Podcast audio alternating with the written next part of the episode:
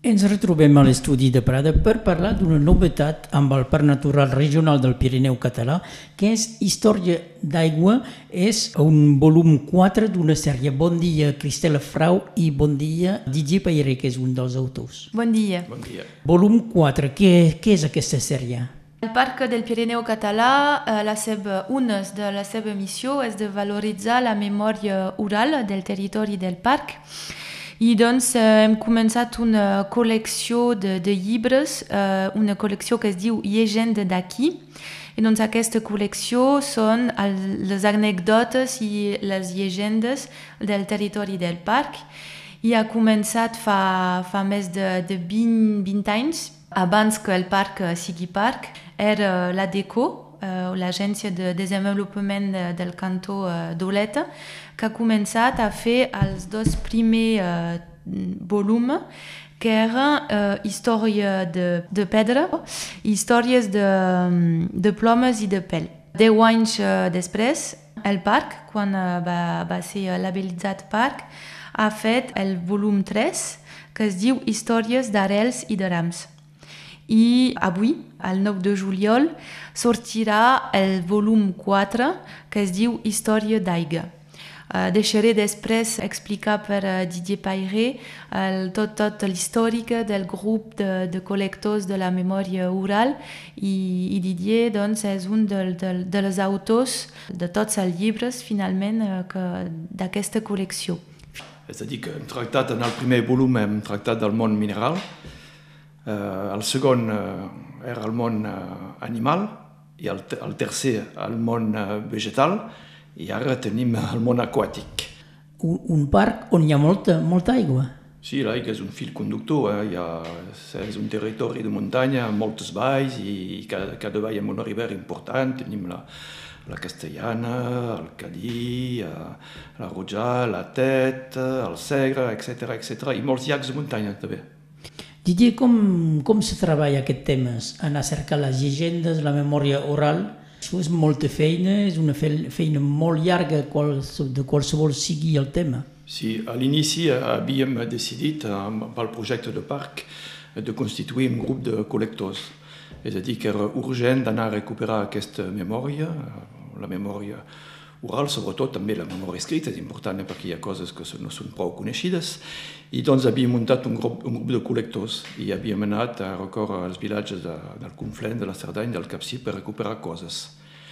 I a, a costat d'això se va crear un grup de contaires, perquè una cosa era de recuperar aquesta memòria, de la fer conèixer, i una altra cosa era de la valoritzar d'una certa manera, i això és el treball del contaire.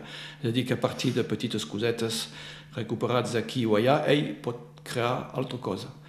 I és així que, que van les coses, que se transmeten les coses i que se canvien, perquè cada autor té la seva interpretació d'una llegenda i això va evolucionant i va canviant. I és això la memòria oral. Tens l'impressió que hi ha que hi ha coses que s'han perdudes, que estan completament perdudes? Ah, sí, ho veig perquè a l'inici, quan havíem fet el primer volum, era l'any 1998, era encara bastant fàcil de trobar uh, gent veient als vilatges que, que poguessin explicar coses. I ara, amb aquest quart volum, me s'ho adonat que era molt més difícil. Hi ha molta gent que s'ha mort i han emportat amb ells a tot, una, tot una, un aspecte de la nostra vida. La tècnica quina és per fer parlar la gent, per convèncer de fer parlar? Sovint trobem gent que tenen pas consciència de la riquesa que tenen en la memòria i que diu, oh, això poc importa, això interessa a ningú. És que has tingut aquest, eh, aquest casos.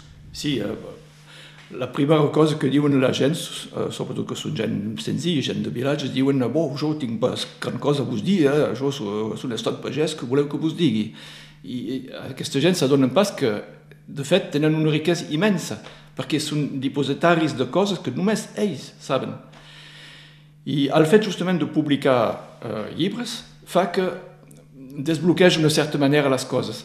És a dir, que quan el primer llibre va ser publicat, hi ha gent que el van mirar, que el van llegir i van dir ah, sí, això, ho havia sentit quan era petit, ah, em fa pensar que tinc altra cosa que hauria pogut explicar, etc etc. I se parlen de l'un a l'altre i així les coses se van desbloquejant.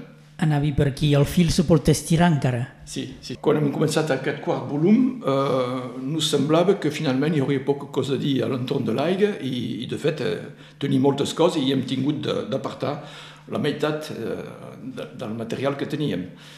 A l'inici, eh, al moment de la publicació dels dos primers volums, s'havia constituït un grup que se deia els Contaires de Saura i eren força nombrosos, era una desena de persones que, que anaven als vilatges de tot arreu a fer bellades, a explicar coses, a contar.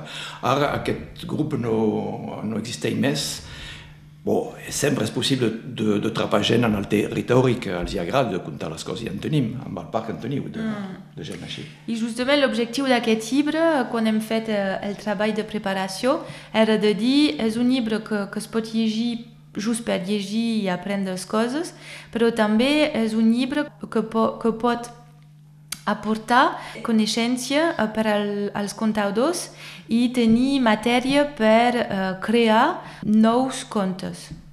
Sí, a partir d'aquí potser és la base per crear un conte nou o per crear potser una obra de teatre. Sí, sí, sí, sí. sí, sí. De, de fet, cal, cal considerar que això és, una, és, com, és com un tresor i que i agafem una pedra i una altra i constituïm altra cosa amb això. D'entrada s'ha decidit de fer aquest llibre bilingüe. Eh, és una continuació de, dels altres volums que s'han traduït també eh, totalment en català i doncs hem fet eh, la, mateixa, la mateixa cosa. Per nosaltres eh, al parc i als autors era molt important de tenir tota aquesta matèria també en català perquè sovint la gent que dona eh, la seva memòria la dona en català forciosament perquè la gent són d'aquí de, del territori i parlen català. Eh, Didier, tu has recollit una part de les llegendes i contes en català directament? Sí, sí, sí, uh, gairebé uh, tot, amb algunes excepcions, ha estat recollit en català i és, és més interessant justament fer parlar a la gent en català perquè bon, són coses més, més pregones que surten quan, quan la gent s'expressa amb la seva llengua materna. Avui parlem amb el Didier, però hi ha una altra, una altra persona que ha treballat molt, o dos, dues altres qui són. Sí, en parlarem de, dels autors i també de l'il·lustrador, que és força important. Sí, doncs eh, els altres autors són André Balent, que, que és un, un antic professor d'història, un, un historiador, i el, també el Claude Fabre, que és un contador de d'Oleta, i és ell justament que era l'inici d'aquest grup de, dels contadors de, de Sahora. Tenim tres vistes diferents, tres entrades diferents eh, de, de treball, de manera d'escriptura de, diferents. El Didier és més de, de, de recollir la, la paraula de la gent, Uh, André Valent és més de, de fer anàlisis de llegendes i de fer comparatius entre llegendes i de trobar les diferències i per què són, són diferents. I el Claude és més de, de, de fer creació de, de contes sobre alguns temes que, que, li, han, que li hem proposat. I l'il·lustrador? L'il·lustrador se diu uh, Manu, uh, Manu, Manu Clavec, i ha fet, ha fet un treball força, força bonic. Eh? A l'inici no coneixia res de, de les llegendes ni de, del territori i s'hi ha implicat uh, completament i ens ha sortit una, unes il·lustracions en plena pàgina bon, que completen uh, d'una manera força, força agradable els textos que llegim. Aquest llibre és destinat als adults, però uh, el públic jove com ho pot rebre? És bastant obert, accessible?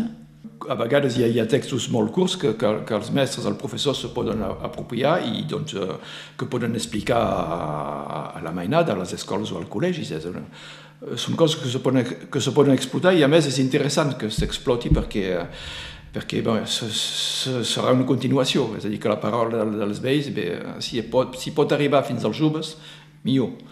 I si la transmissió se pugui continuar d'aquesta manera, millor. Cristela Didier, aquest tema seria inesgotable, però ho hem de deixar aquí. Didier Payere, moltes gràcies. Gràcies a vos. Cristela Frau, moltes gràcies. Gràcies.